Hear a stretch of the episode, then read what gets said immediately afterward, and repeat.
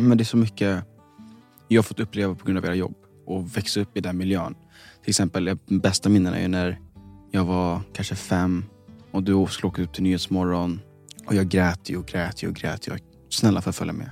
Sen de gångerna jag fick följa med var det bästa. Jag har spelat in ett bonusavsnitt med min yngsta son Leon. Vi snackar om tonåren, det unga vuxenlivet som han är på väg in i nu efter att han har tagit studenten.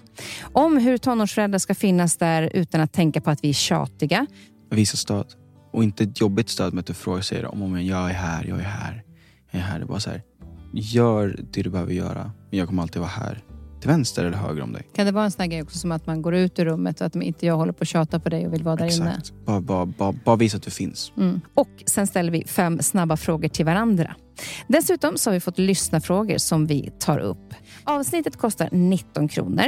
Du kan betala direkt via Swish till exempel. Väldigt smidigt och enkelt. Sen kan du också klicka på länken i avsnittsbeskrivningen för vidare instruktioner.